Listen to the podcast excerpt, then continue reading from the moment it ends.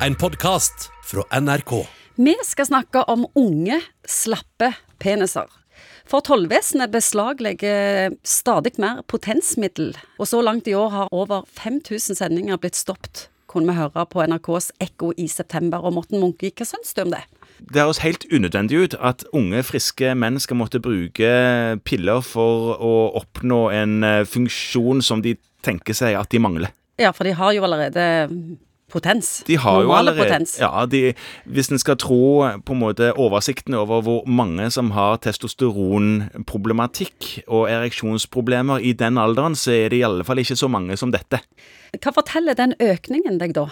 Det sier jo litt grann om hva unge menn tenker at er forventningene i samfunnet til deres prestasjoner med den ereksjonen, da. Sett for mye porno? Ja, det kan jo være en årsak. At en tenker seg kanskje at kvinner setter pris på aktivitet som varer lenger enn eh, de kanskje eh, burde. Det handler ikke bare om å få han opp, de skal prestere kunstig lenge. De tror de må ha 6-20-30 minutter hver gang.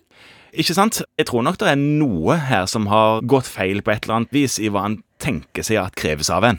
Er det pornoen sin feil, da, dette, dette vrengebildet, eller er det en sånn generell grådighet, vil ha mer og mer og mer? Jeg tror at en girer hverandre litt opp òg, med at en fikk tak i noe på nett som gjorde at jeg klarte ditten og datten. Og så vil de andre òg prøve det.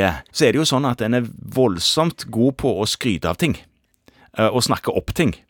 Fordi at har en brukt penger på noe, så skal en iallfall ikke late som om eh, det ikke var noe annet enn lurt. Sant? Og så skryter en av det. Tror du disse unge mennene noen gang har spurt kvinner hvor lenge de setter pris på å ha sex? Kan jeg aldri tenke meg at eh, de har hatt den åpne samtalen der, nei. Kjøpe potensmidler på nettet, hva tenker du om det? Ville du gitt potensmidler til en ung nei, ungdom? sant, det er jo det. Altså, selvdiagnostisering av et tenkt problem er uansett galt. Fordi de som tenker at de trenger potensmidler For det første så trenger de antagelig ikke potensmidler, men noen av de, et fåtall av de, trenger kanskje en eller annen form for behandling. At det er en eller annen ting som ligger og gnager, som er et problem. For eksempel har de en angst for at de skal underprestere. Eh, Så er det kanskje behandling for det. Er det en eller annen form for eh, hormonsvikt hos noen som det kanskje er, så er det behandling for det. Og kjøper du ting på nettet, så vet jo, kan du ikke vite hva du får i posten. Men uansett så går det jo stort sett bra. Jeg tror ikke jeg har lest at en mann har dødd av eh, potensmidler. Er det så farlig, egentlig?